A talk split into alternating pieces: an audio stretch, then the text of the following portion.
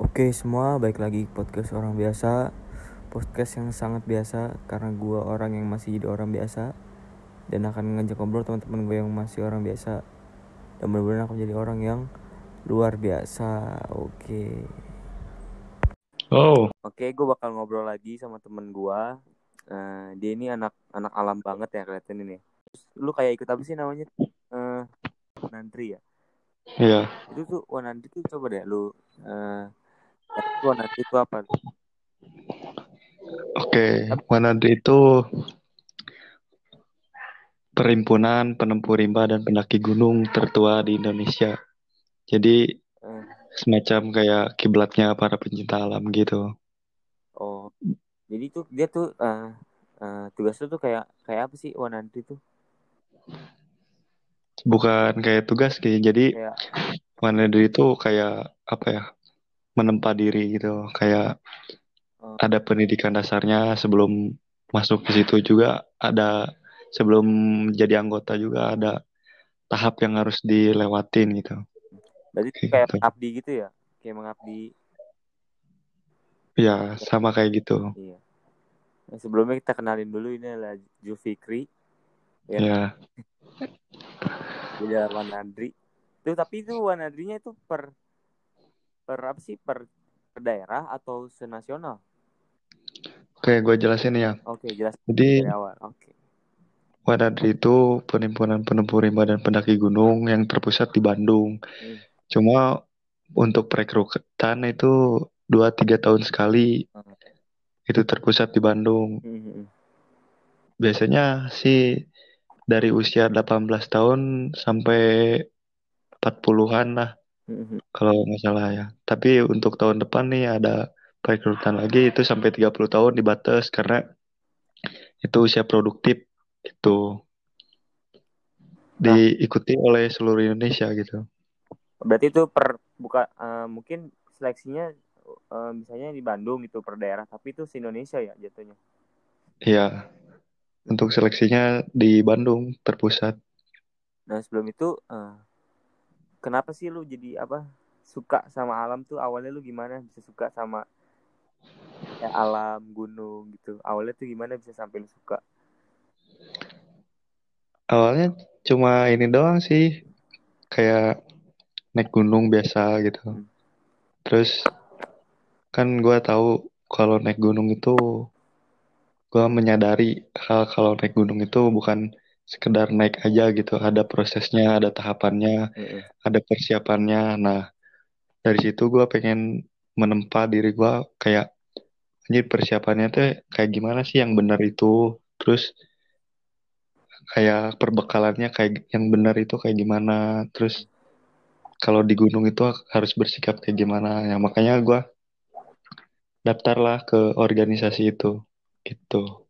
Eh, biar lebih paham biar lebih apa ya jatuhnya. Lebih ya, lebih paham sih ya untuk gimana cara naik gunung gimana cara segala macam gunung ya. Intinya sih buat membekali diri sih, kayak membekali diri dengan apa ilmu-ilmu yang udah didapat gitu, yang udah ada, gitu. pengalaman pertama kali lu naik gunung gunung apa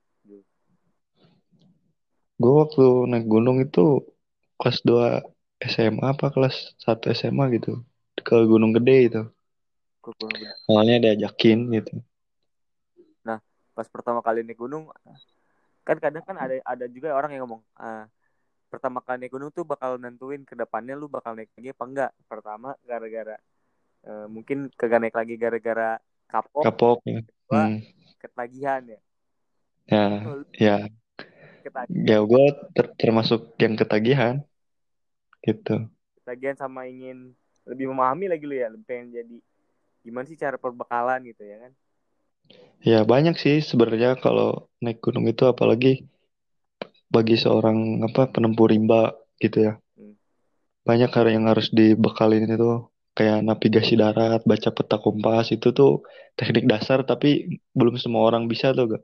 iya kadang juga kan orang naik gunung juga yang awal-awal naik gunung kan sepatu pakai sepatu futsal Iya, itu kan sebenarnya bahaya kan maksudnya iya.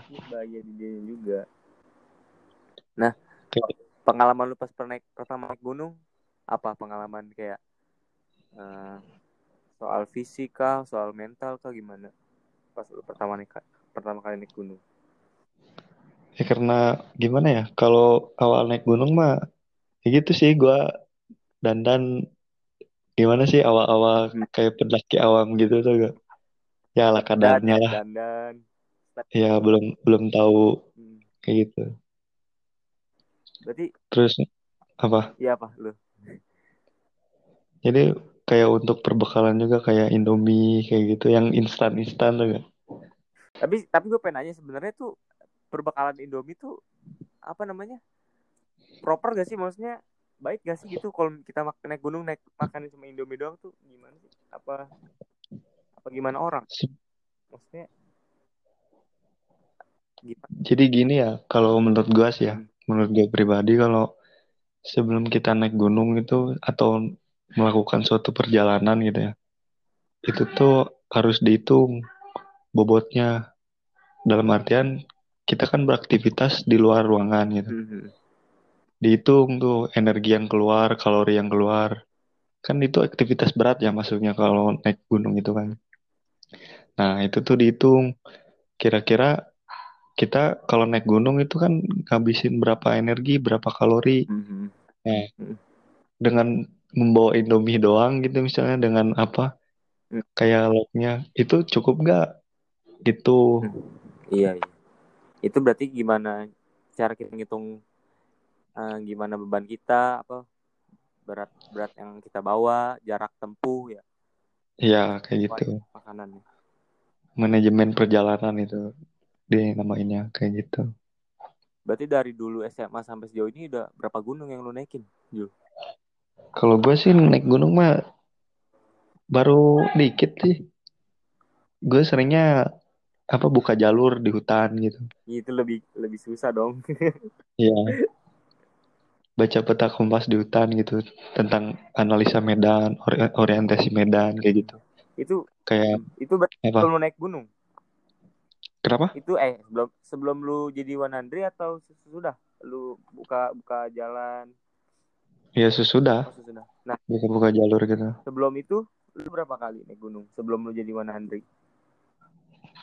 Udah lumayan sih gua ke Gede, Berbabu, ke Prau, ke, ke Gunung Selamat gitu. Tapi untuk sejauh ini sih masih daerah Jawa sih, daerah Jawa gitu. Nah, dari beberapa gunung yang lu sebut, menurut hmm. lu yang paling berat secara fisik dan mental tuh apa? Eh, gunung apa? secara fisik dan mental menurut gua. Hmm, yang paling berat gitu menurut gua menurut gua sih pas ke Gunung Selamat sih itu. Lumayan sih. Fisik apa mental ini? Katanya kan Gunung Selamat juga kadang-kadang kan ada yang mistis kayak gitu-gitu kan. Tapi iya. semua gunung kan kayak gitu ada ada mistisnya. Ada pas ada mistisnya kan itu gimana? Iya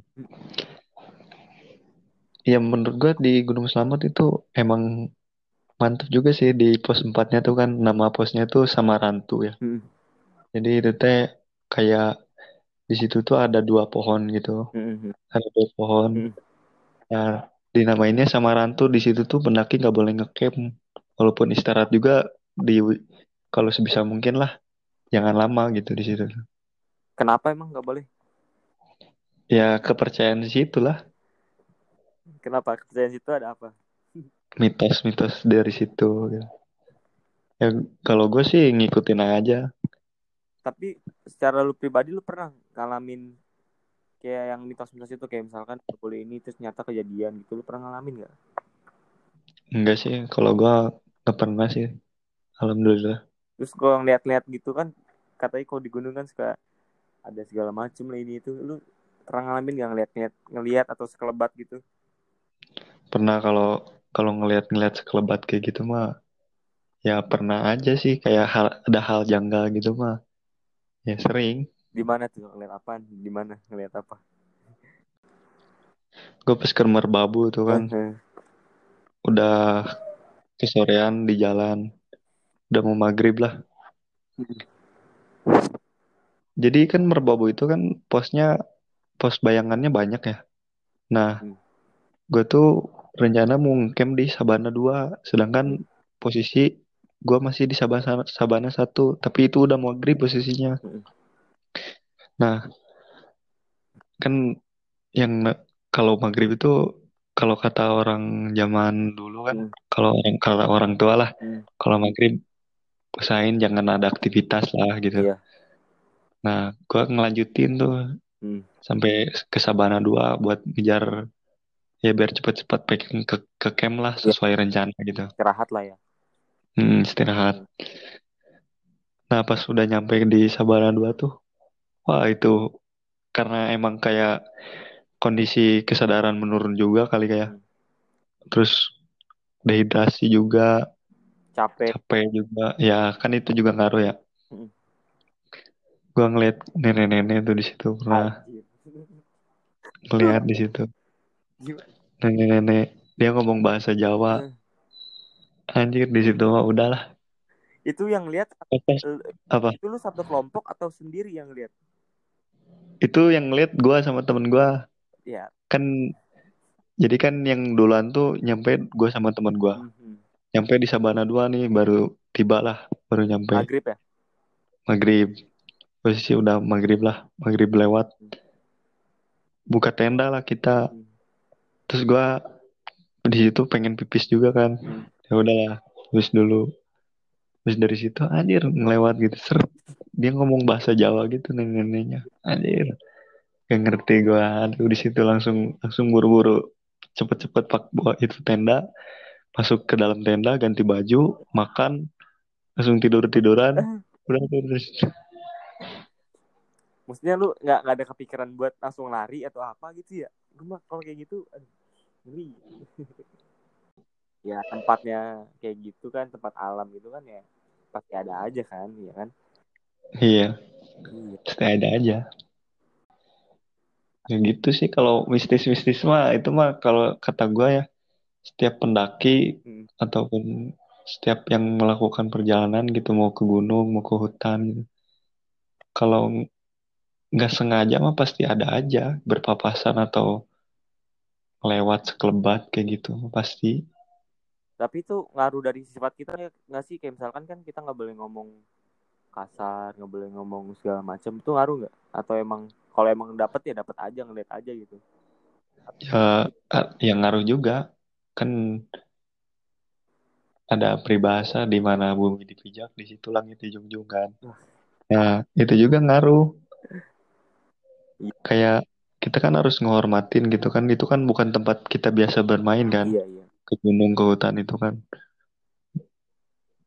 bukan tempat biasa kita bermain jadi ya sebisa mungkin jaga perilaku jaga bahasa Hmm. gitu teh ya itu mah etika lah Iya. maksudnya Iya lah ya. Kita ke rumah orang aja ada etikanya ya. Masa iya masa ke tempat kayak gitu main asal-asal aja gitu persyaratan apa sih yang harus dipenuhin buat naik gunung? Kayak misalkan persyaratan pribadi lah kayak misalkan perlengkapan yang sesuai Hmm. dengan SOP gitu. Jadi gini ya sebelum gue jelasin di situ nih Nah, kan namanya berkegiatan di luar ruangan itu kan mengundang dan mengandung bahaya kan? Ya. itu kita kan nggak biasa bermain di tempat itu. Hmm, nah sebelum lakuin apa ke sana tuh gua kalau di Wanadi SOP-nya tuh kita tuh cari dulu di tempat daerah itu tuh iklimnya kayak gimana cuacanya gimana. Hmm. terus apa aja sih flora dan fauna di sana? Iya benar. Terus botani zoologinya di sana apa tumbuhan-tumbuhan yang bisa hidup di sana. Hmm. itu penting sebenarnya. Ya, kalau kalau buat bukan kayak gunung terkenal gitu ya. Kalau misalnya gua mau buka jalur nih dari misalnya gunung yang gak populer gitu. Nah dicari dulu data informasinya dicari dulu. Habis itu kita ke Pabal namanya peralatan dan perbekalan. Misalnya Oh. naik gunung kan kalau misalnya naik gunung di Indonesia kan rata-rata tropis gitu ya. Iya. nah diatur juga sesuai kesulitannya. Kalau kayak misalnya ke ke Gunung Raung itu kan harus pakai alat tali kayak gitu kan alat manjat lah. Hmm. nah itu disesuaikan dibawa juga kebutuhannya dicatat lah peralatannya. Mm. terus kebutuhannya nih kayak perbekalannya. Mm. kita mau ngelakuin ini tuh rencana berapa hari? Kayak gua kemarin tuh gua kemarin habis ke Gunung Bukit Tunggul kan Di mana tuh? Bukit Tunggul. di Bandung di daerah Bandung juga itu kan ada jalur pendakinya juga Iya. cuma gua Coba. sama teman-teman gua buka jalur pakai jalur lain lewat navigasi itu nah dari situ tuh di kan kalau pendaki biasa itu sampai puncaknya itu tiga jam doang lah Iya. gua bayangin empat hari gua baru bisa nyampe ke puncak Gila per hari. Itu gara-gara buka jalur atau emang iya kan Hmm. karena buka jalur. Iya. pertama karena buka jalur terus pendataan juga kan? Pendataan di situ. Pendataan wilayah apa pendataan? Iya pendataan jarak tempuh kayak gitu. Terus flora faunanya di sana kayak gitu. Pakai jalur yang itu.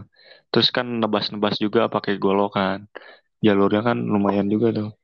Untuk pemula nih misalnya mau naik gunung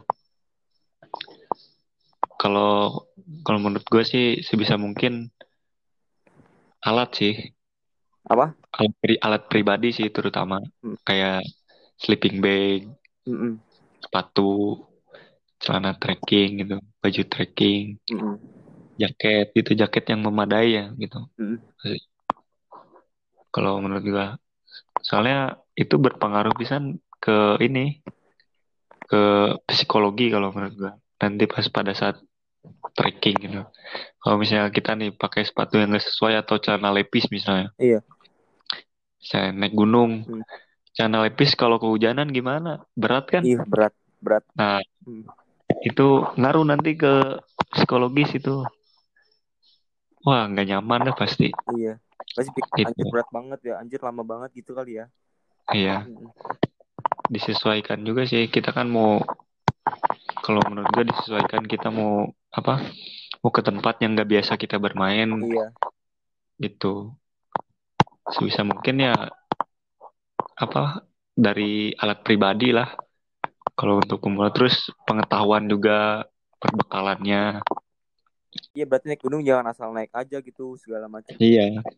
Makanya gue miris sih sekarang kayak pendaki-pendaki sekarang naik gunung ngeliat foto di Instagram mungkin kayak di puncak nih kayak gitu. Tapi pakai alat seadanya gitu. Cuma buat foto doang. Heeh, foto doang. Terus gue juga pernah tuh ngalamin pas di Gunung Gede juga tuh. Gede. Jadi ada pendaki nih dari Cianjur kan 8 orang nih kan Hmm. gue mau cerita nih. Iya. seru nih ceritanya. 8 orang mereka cewek berempat cowok berempat. Mm.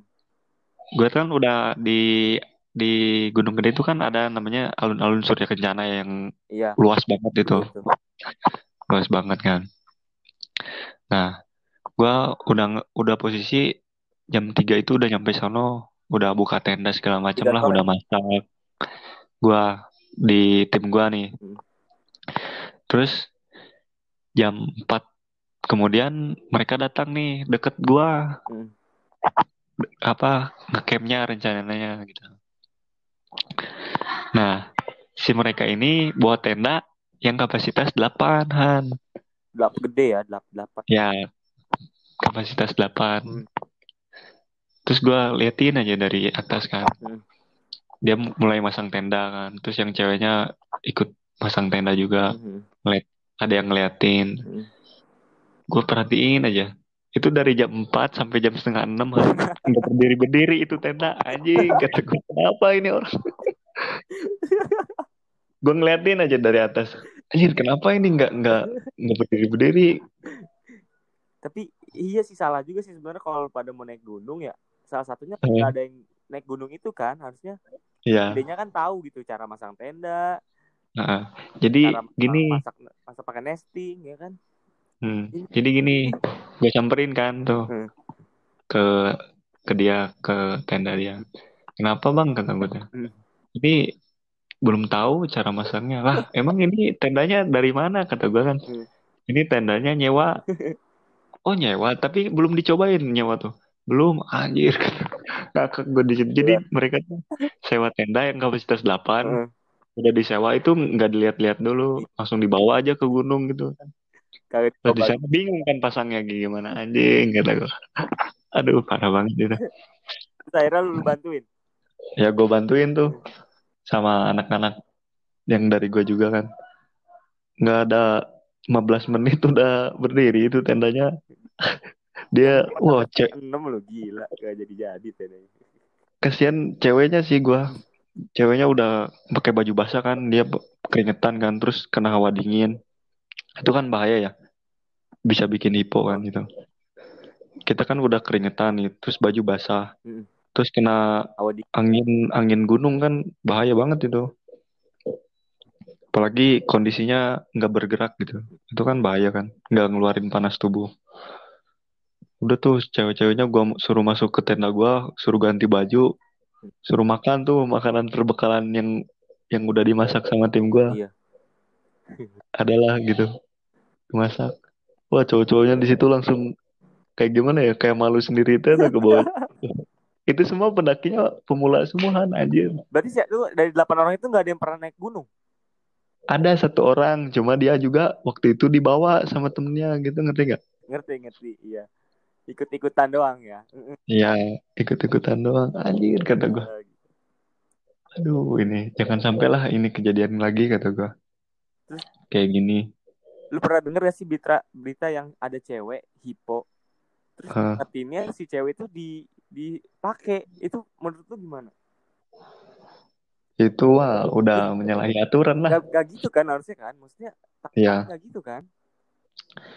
sebenarnya kalau kondisi hipo itu kan kondisi yang kita tuh ada tiga ada yang sedang ada yang emang udah mulai kehilangan kesadaran nah penanganannya itu emang lebih baiknya itu emang skin to skin emang dari kulit ke kulit cuma eh, penanganannya kan transfer suhu tubuh cuma kalau kalau gue pribadi ya selama gue apa ada temen gitu Hmm. yang hipotermia kayak gitu Hmm.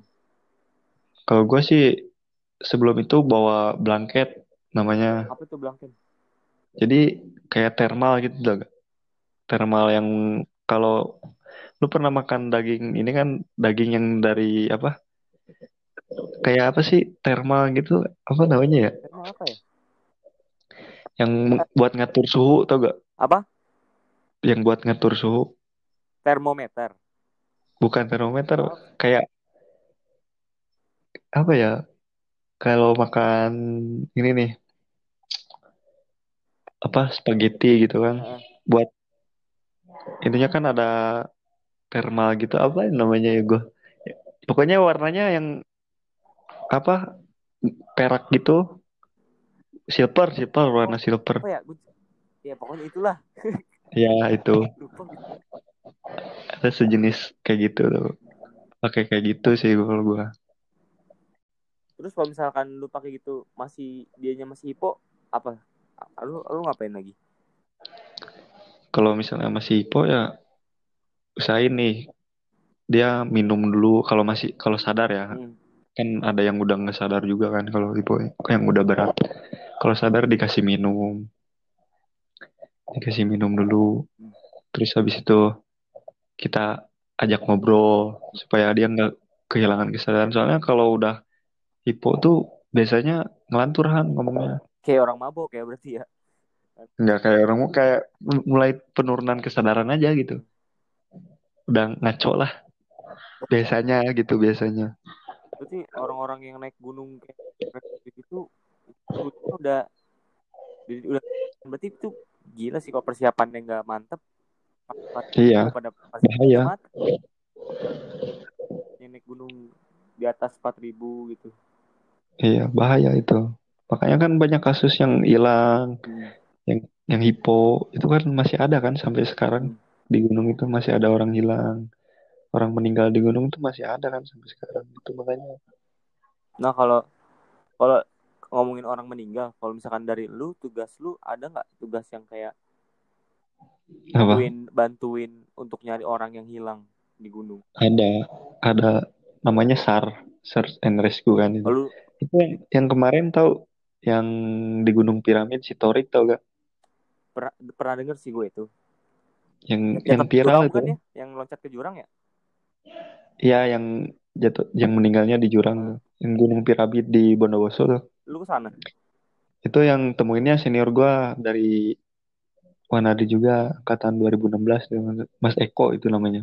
Itu gimana proses pen- pencariannya tuh? Gue bingung banget tuh. Gimana sih cari orang di gunung tuh? Bingung banget.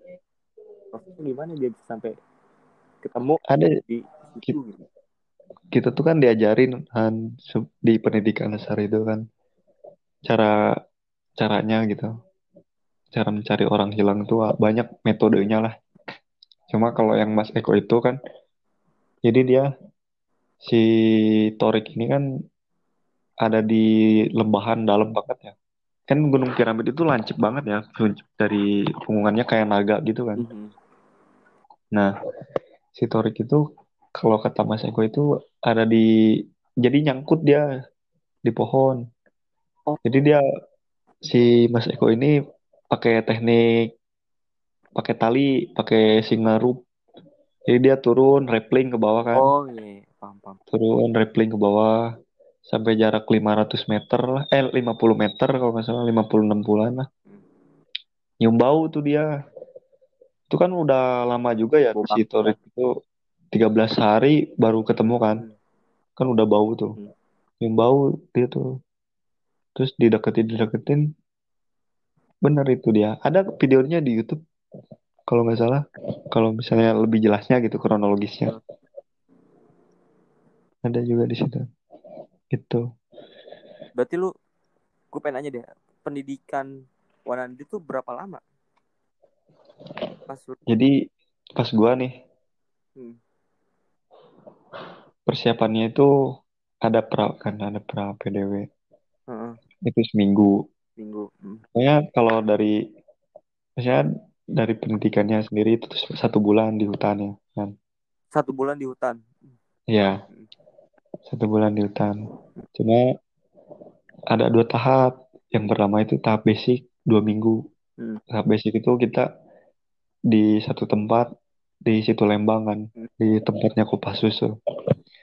Nah, dua minggu kemudian itu kita mulai nomaden nih, mulai berpindah-pindah Hmm.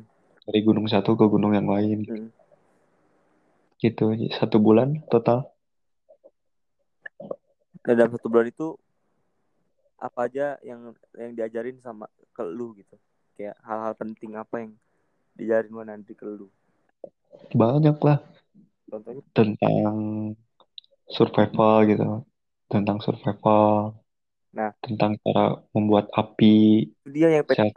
Tergantung situasinya. Kalau kita sendiri itu yang lebih bahaya sih kalau sendiri. Heeh, kalau misalnya beregu, misalnya bertiga, berempat gitu kan masih bisa apa ditemukan jalan solusinya. Hmm. Itu yang sendiri itu banyak kemungkinan. Jadi di Wanadi itu ada metode kan namanya STOP stop. Jadi S-nya itu sitting. Kita itu duduk nih. heeh. Kalau kita dalam kondisi sur- survival nih Ah. di hutan, nggak tahu nih mau ke mana, sitting dulu aja, duduk aja dulu, Ah. tenangin dulu diri, misalnya sendiri nih, sitting. Hmm. S kan, ST, T-nya itu eh, thinking, berpikir nih kita mau ke mana nih kita. Habis duduk kan kita harus berpikir, oh kita gimana ya buat keluar dari dari hutan ini gitu misalnya. Dari hutan ini gimana ya caranya gitu. Terus O-nya tuh observasi. Hmm. Kita tuh mulai ngeliat-ngeliat ini gimana ya gitu. Apa gua ke puncakan, apa gua ke mana. Nah, Terus habis observasi kita rencanain tuh P-nya. Kita mau rencanain ke mana nih pergerakan kita mau ke puncakan kah, mau ngeliat mau ngeliat apa jalannya atau ngikutin sungai apa gimana gitu. Itu di kalau survival kalau kondisi kayak gitu. Nah, Metodenya. Misalnya kita tuh di lebahan misalnya kalau enggak di penggungan lah. Nah, buat ngelihat jalur jalur kita itu biasanya kan kalau ke Puncakan kan lebih luas ya sudut pandangnya. Iya, iya. Nah, lebih luas sudut pandangnya. Itu bisa juga kalau misalnya kita mah apa ya dari mana itu ya kalau ke puncakan itu pasti mau lewat jalur mana pun pasti ke atas kan ke puncakan kan tujuannya gitu. Nah bisa tuh kita ngerencanain misalnya lagi kondisi survival nih lagi darurat nih kita nggak tahu arah jalan pulang nih. Kalau misalnya memungkinkan ke puncakan ya ke puncakan kalau tapi kalau misalnya kita udah deket nih sama warga atau kita baru jalan berapa meter nih kita bisa ikutin sungai terus kalau kalau nggak ada sungai kita bisa bikin tanda-tanda di situ kan bisa bikin jejak atau apa gitu Hmm. itu itu Oke. Ini terakhir. Ini terakhir. Eh, Eh, pesan-pesan pesan dari lu dari orang-orang orang mau naik gunung mau naik gunung atau mau atau mau belajar belajar survive di survive gunung tuh gitu. Gunung apa aja? Apa aja? Kalau mau naik gunung kalau kalau gue sih ya bekali diri dengan pengetahuan dengan pengetahuan apa di alam bebas lah pengetahuan yang di alam bebas. Karena itu tuh bukan tempat lu biasa bermain. Iya. Nah jangan cuma gak jangan cuma gak- eh ke ya jangan cuma gaya doang karena lu safety ya harus safety sebisa mungkin safety.